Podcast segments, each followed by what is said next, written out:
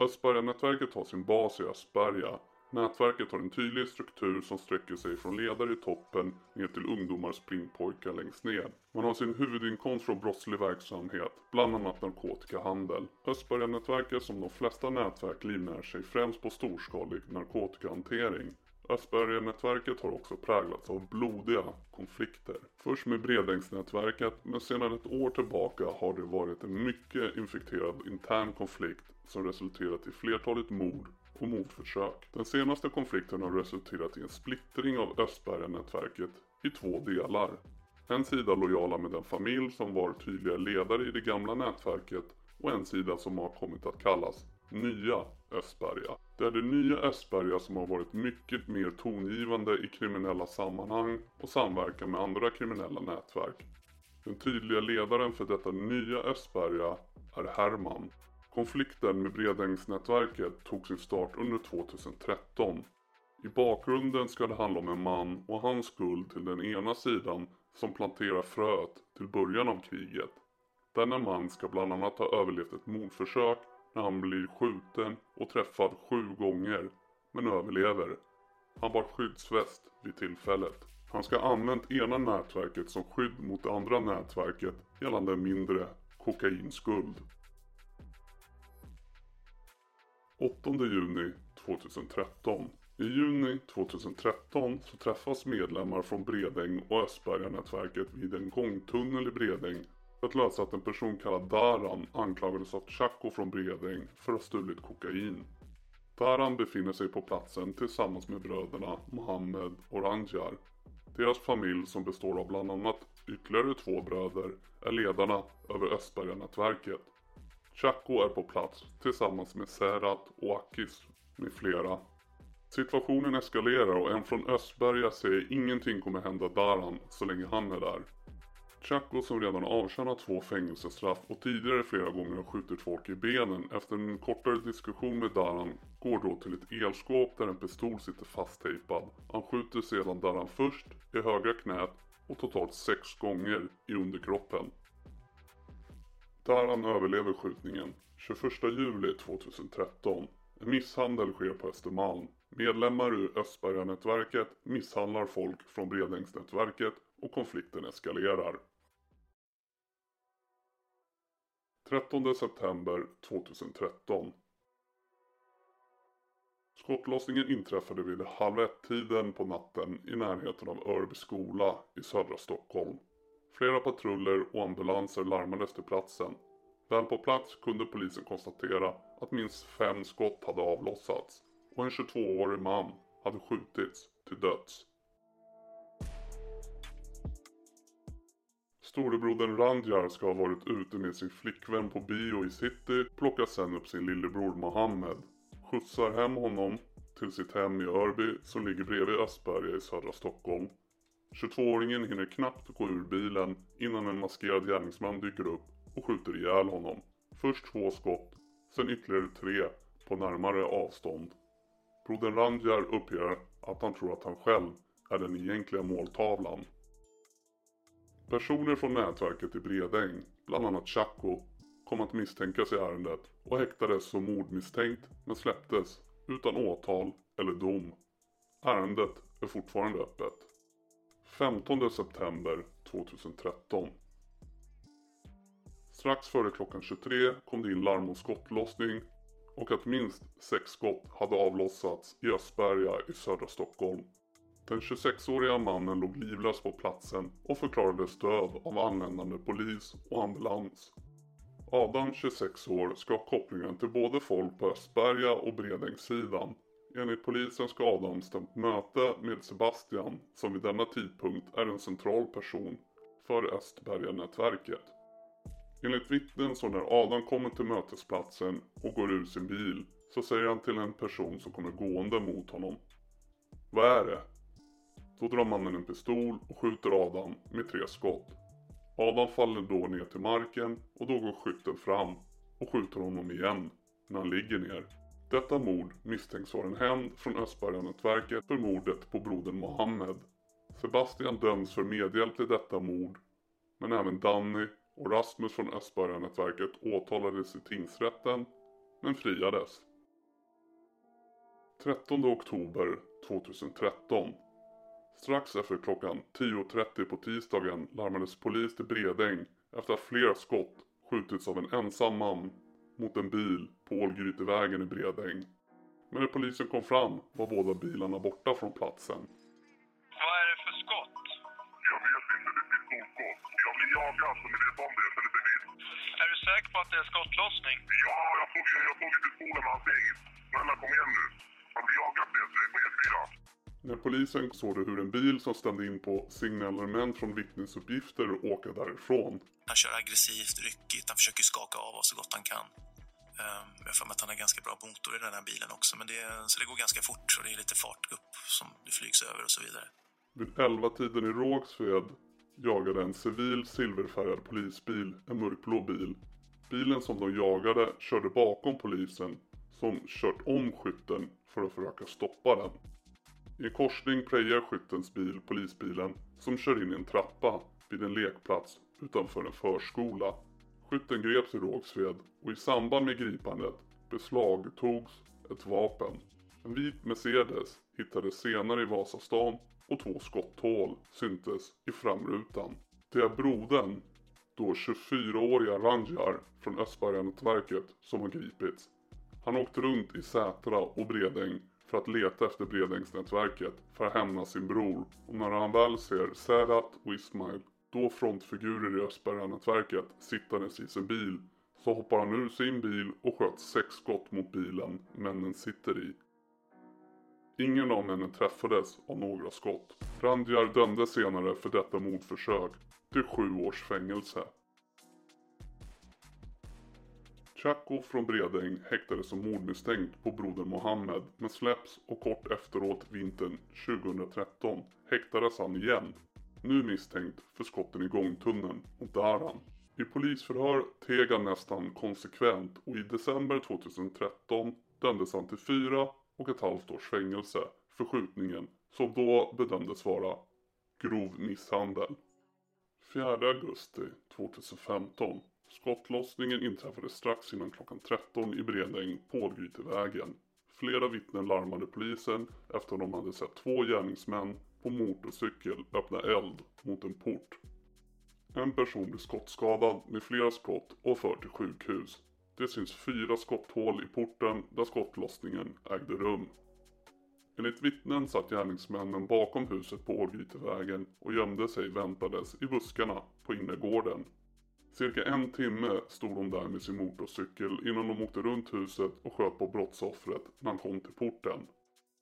Skytten ska ha avfyrat minst sex skott på tre meters avstånd. Offret blir träffad flera gånger i underkroppen. Det är Mustafa, då 23 år, som beskjuts vid sin trappuppgång i Bredäng. Han träffas i benen men överlever detta mordförsök. Mustafa var vid den tiden en central person i Bredäng och hade starka kopplingar till Chaco och Serhat.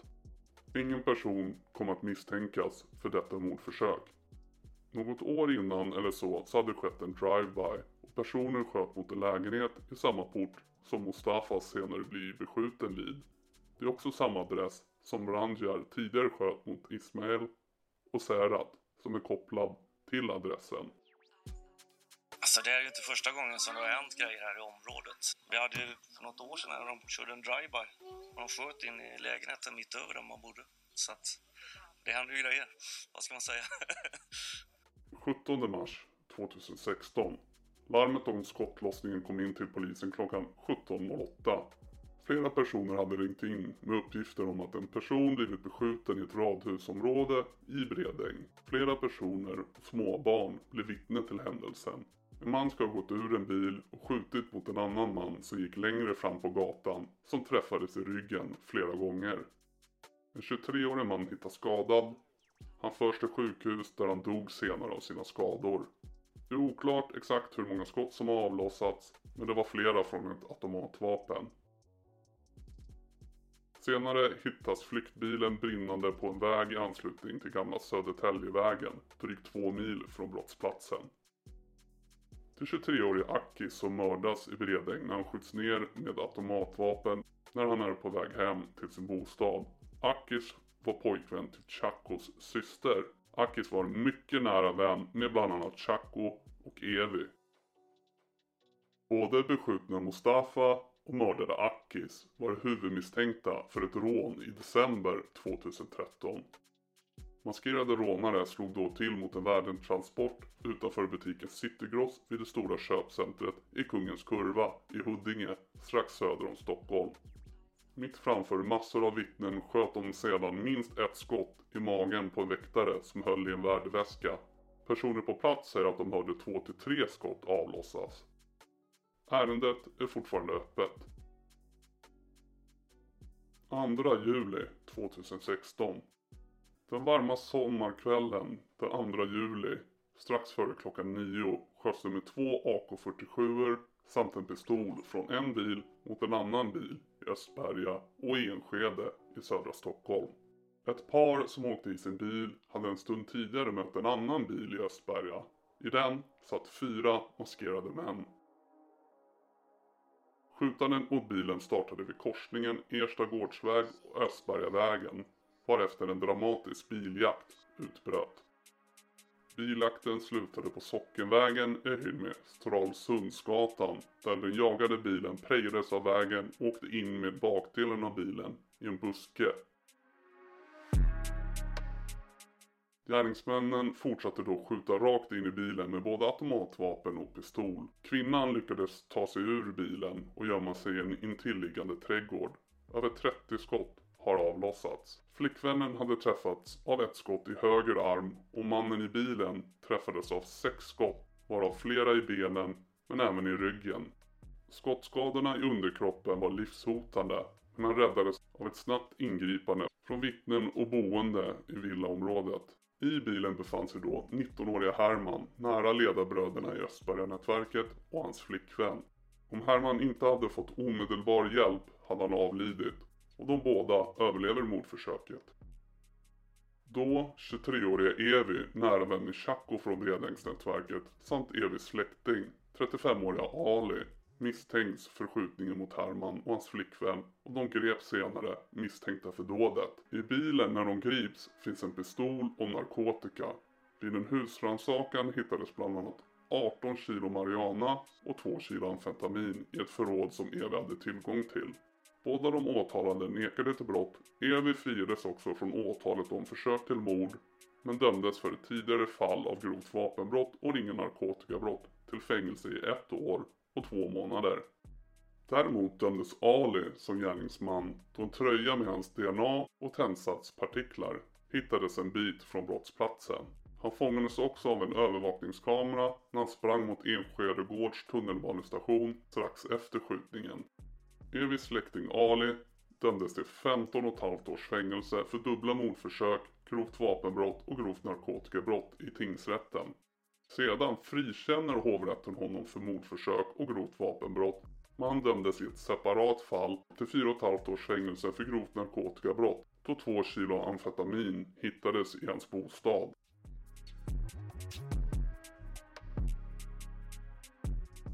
I november 2016 så blir Jetmir från beredningsnätverket beskjuten när han färdades i sin bil tillsammans med sin tjej.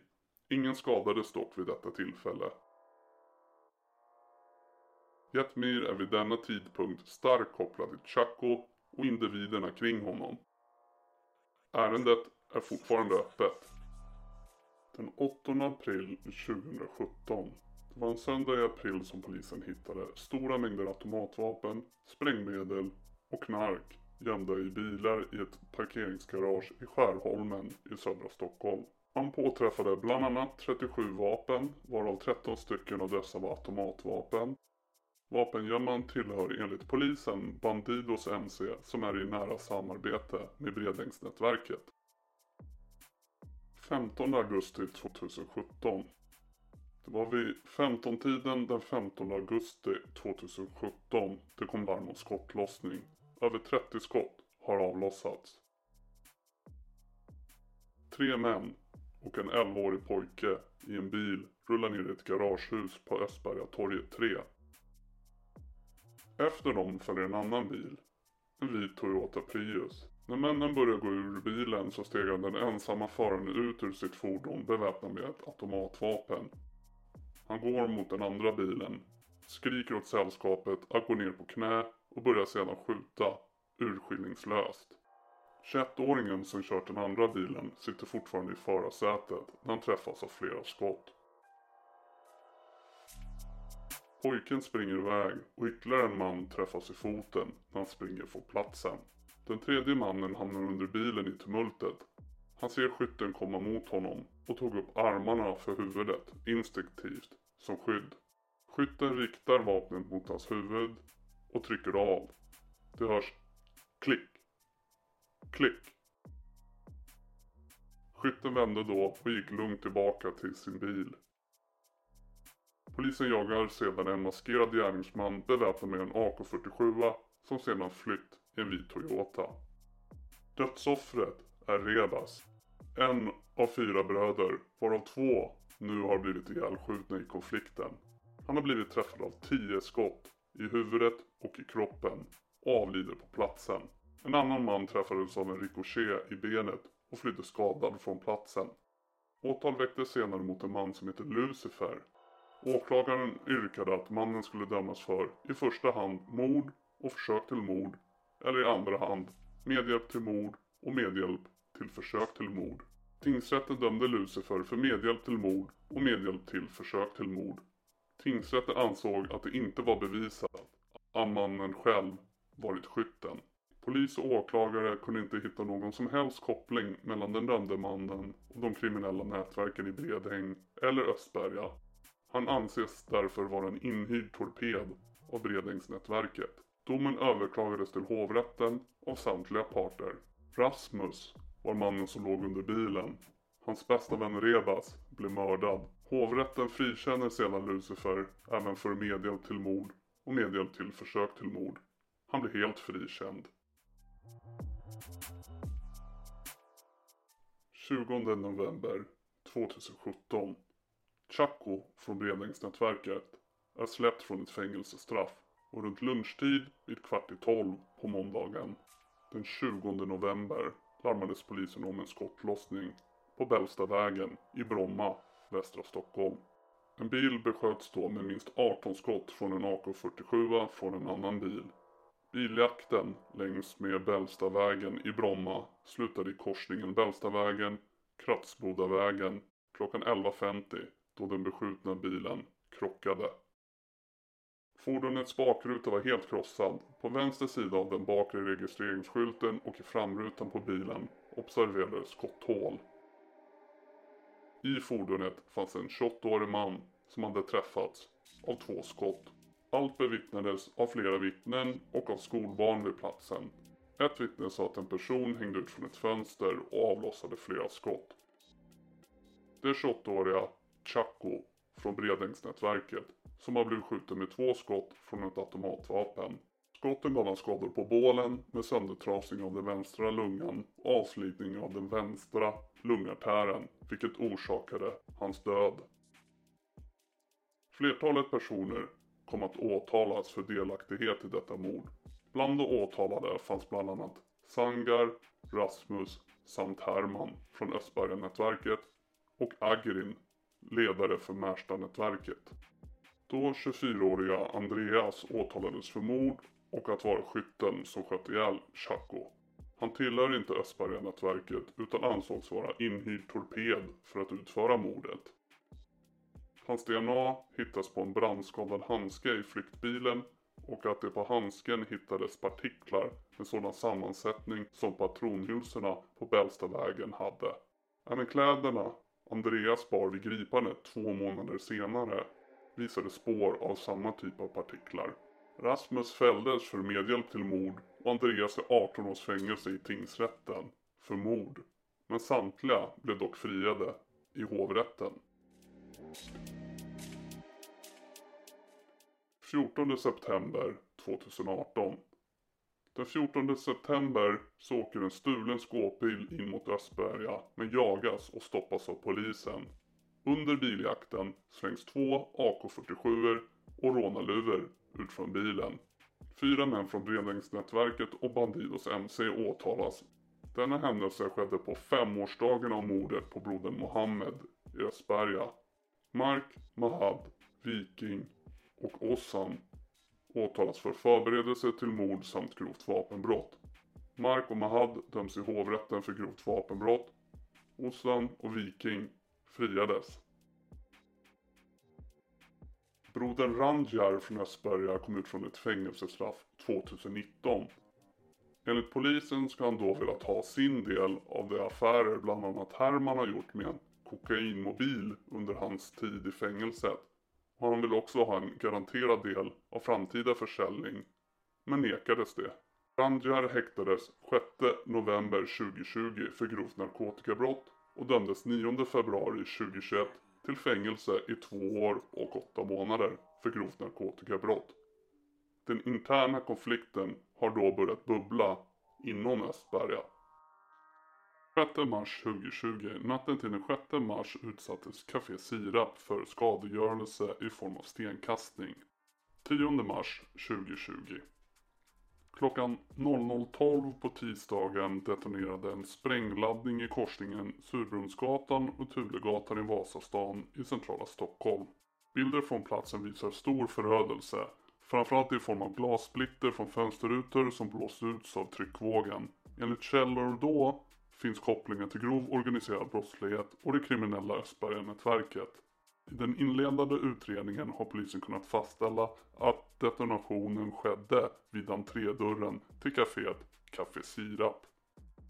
27 mars 2020 Den 27 mars vid 11-tiden på fredagsförmiddagen stannade en man sin motorcykel utanför en däckfirma på Birger Jarlsgatan på Östermalm i Stockholm. Den mörklädda mannen bärande mc-hjälm stegade rakt in i däckfirman på Östermalm. Offret gick mot dörren för att möta mannen då han först trodde att det var en kund. Motorcykelmannen tog då tag i honom, höjde sitt vapen och sköt mannen med flera skott på nära håll. Därefter sköt han även mot en annan man som sprang för sitt liv som dock lyckades fly från platsen och klarade sig utan skador. Gärningsmannen lämnade sedan platsen på motorcykel. Nidal och hans kompanjon också kopplad till Östberga beskjuts av en torped. Nidal överlever igen ett mordförsök men hans kompanjon dör av sina skador. Senare grips en då 36-årig man från Örebro, Christer, med kopplingar till Bandidos och han åtalas för mordet som den misstänkta torpeden. Han fälls både i tingsrätten och i hovrätten för mordet och skytten döms till livstidsfängelse för mordet. 15 april 2020 Den 15 april 2020 hittades en död man i ett skogsområde intill en kyrkogård i Älta. Mannen, som var ägaren till Café Sirap, hade händerna bundna bakom ryggen och hade skjutits med flera skott i huvudet. Kroppen låg några hundra meter från platsen där mordoffret från knappt två veckor tidigare på däckfirman på Östermalm ligger begravd. Enligt polisen är misstanken att ägaren till Café Sirap efter en konflikt med Östberga har sökt hjälp hos Bredingsnätverket efter att Östberga har sprängt han och hans broders café. Bredingsnätverket och Bandidos MC hjälper då till och ordnar en torped.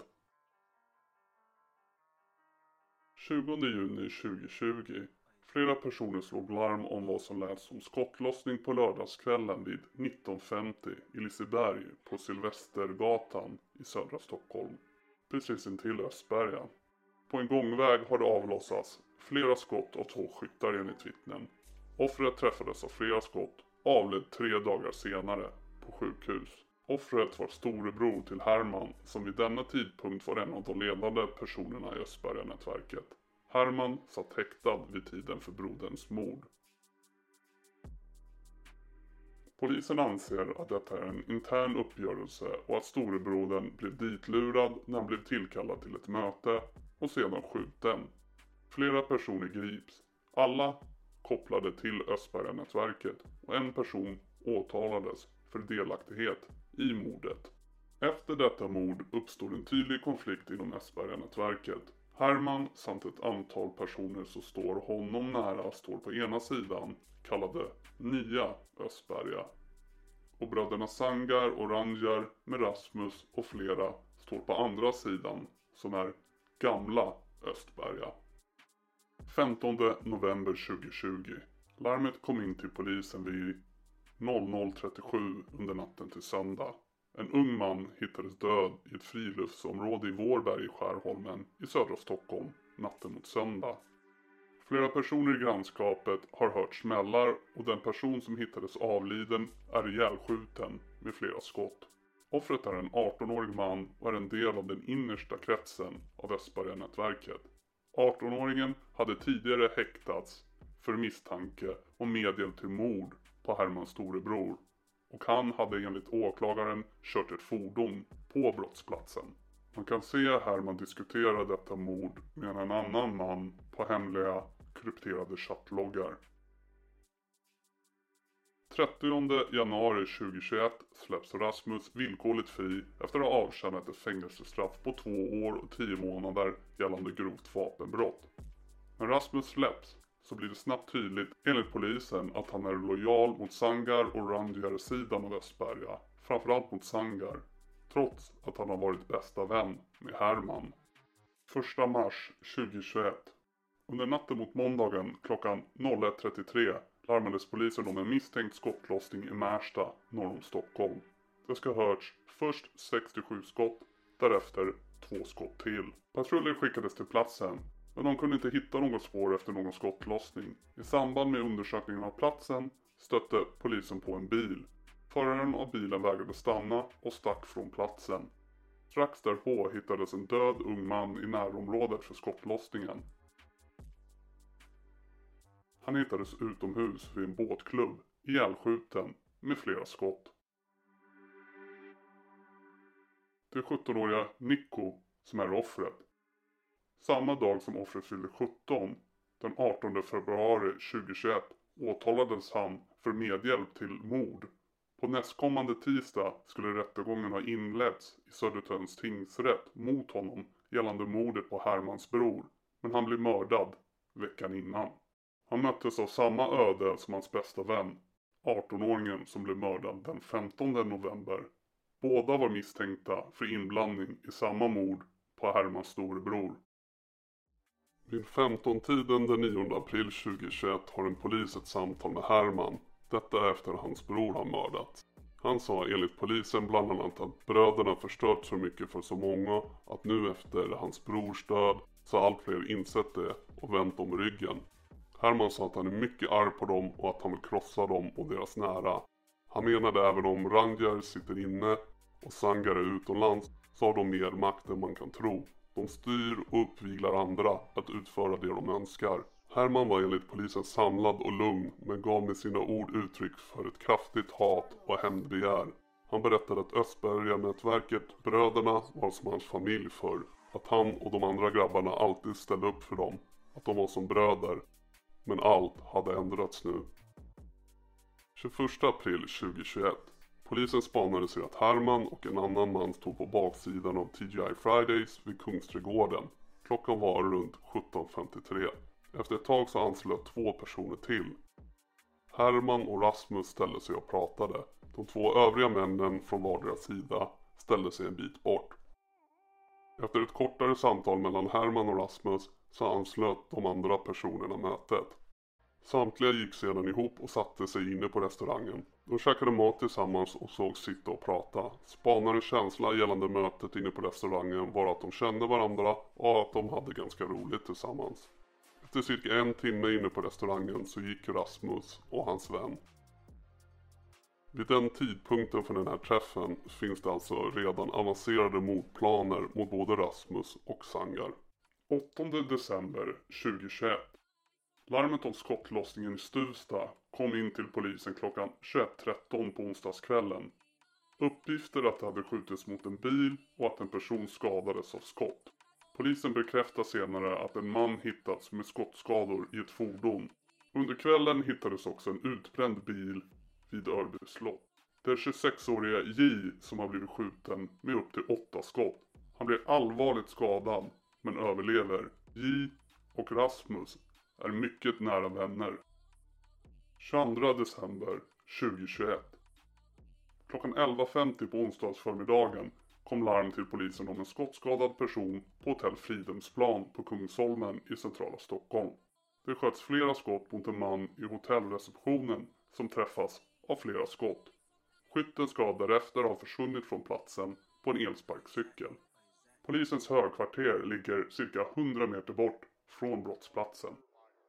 Skytten väntade på mannen i hotellreceptionen. Skytten ska ha varit mörklädd, burit munskydd och suttit i ett hörn av lobbyn. Till synes avslappnad och lugn med en laptop i knät och en påse vid sig. När hans måltavla, 34-åriga Sangar från Östberga-nätverket, kom ut ur hissen drog han sitt vapen, gick fram till offret och sköt ihjäl honom. Enligt uppgifter med flera skott i bakhuvudet. Dådet fångades på övervakningskamera. Med detta dåd är det tre av totalt fyra bröder som har blivit ihjälskjutna de senaste nio åren. Samma kväll som mordet skjuts det fyrverkerier i Östberga där nya Östberga firar att den tredje brodern har blivit mördad. 28 december 2021. Larmet om händelsen kom in till polisen klockan 23.30 på tisdagskvällen. En skadad äldre man fördes med ambulans till sjukhus men var vaken och talbar. Den äldre mannen hade blivit påkörd av en bil och ska enligt uppgifter även blivit pistolhotad. Det visar sig vara pappan till de fyra bröderna i gamla Östberga-nätverket som har blivit påkörd av en bil som bedöms vara uppsåtlig och ett mordförsök. Två män anhölls misstänkta för mordförsök under natten men släpptes på torsdags eftermiddagen. Förundersökningen pågår fortfarande. 25 augusti 2022. Det var klockan 18.22 på torsdagskvällen den 25 augusti som polisen fick larm om skottlossningen på Örnens väg i Handen i Haninge kommun i södra Stockholm. Det ska ha skjutits minst sex skott i sekvenser. En 27-årig man blir träffad med flera skott i huvudet. Ett av flera vittnen sa att offret sedan seglade ihop vid busken intill Innovativa skolan. Vittnen rapporterar bland annat att mannen ropade på hjälp och ett annat vittne säger att någon skrek ungefär Du ska dö! Du förtjänar att dö!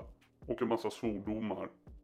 Den ensamma skytten sprang sedan från brottsplatsen där det senare hittades upp mot 10 tomhylsor. Det 27-åriga dödsoffret är Rasmus från Östberga-nätverket. Det visar sig att en 13-årig pojke är en av dem som misstänks vara skytten. The enemy of my enemy is my friend. 22 maj 2022. Herman, ledare för nya Östberga-nätverket, häktades 22 maj för förberedelse till mord, grovt narkotikabrott för flera kilo kokain samt grovt vapenbrott.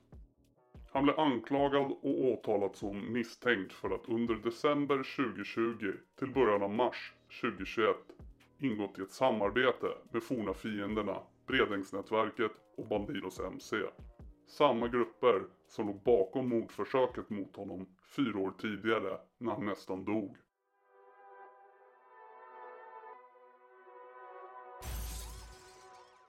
Tanken är att de ska samarbeta för att döda Hermans tidigare nära vänner Rasmus och Sangar från gamla Östberga-nätverket. Allt detta har dokumenterats från knäckta krypterade appar som de har använt för att planera och förbereda morden. Både Sangar och Rasmus har blivit ihjälskjutna sedan dess. Ranjar, den sista brodern, som är anses vara den mest fruktade av de fyra, förväntas komma ut från fängelset tidigast i slutet av 2023. I november 2022 så kommer domen i tingsrätten mot ledaren för nya Östberga. Herman döms till fängelse i nio år för förberedelse till mord riktat mot numera döda Sangar och Rasmus från Östberga-nätverket. Han döms också för grovt narkotikabrott och grovt vapenbrott. I början av maj 2020 avslöjades en stor amfetaminhärva där bland annat en Bandidos-medlem dömdes till 8,5 års fängelse. Huvudbeställaren Manolo, också medlem i Bandidos, är på fri fot, häktad i sin utevaro och internationellt efterlyst för synnerligen grovt narkotikabrott. Den förmodade huvudleverantören Said är även han internationellt efterlyst.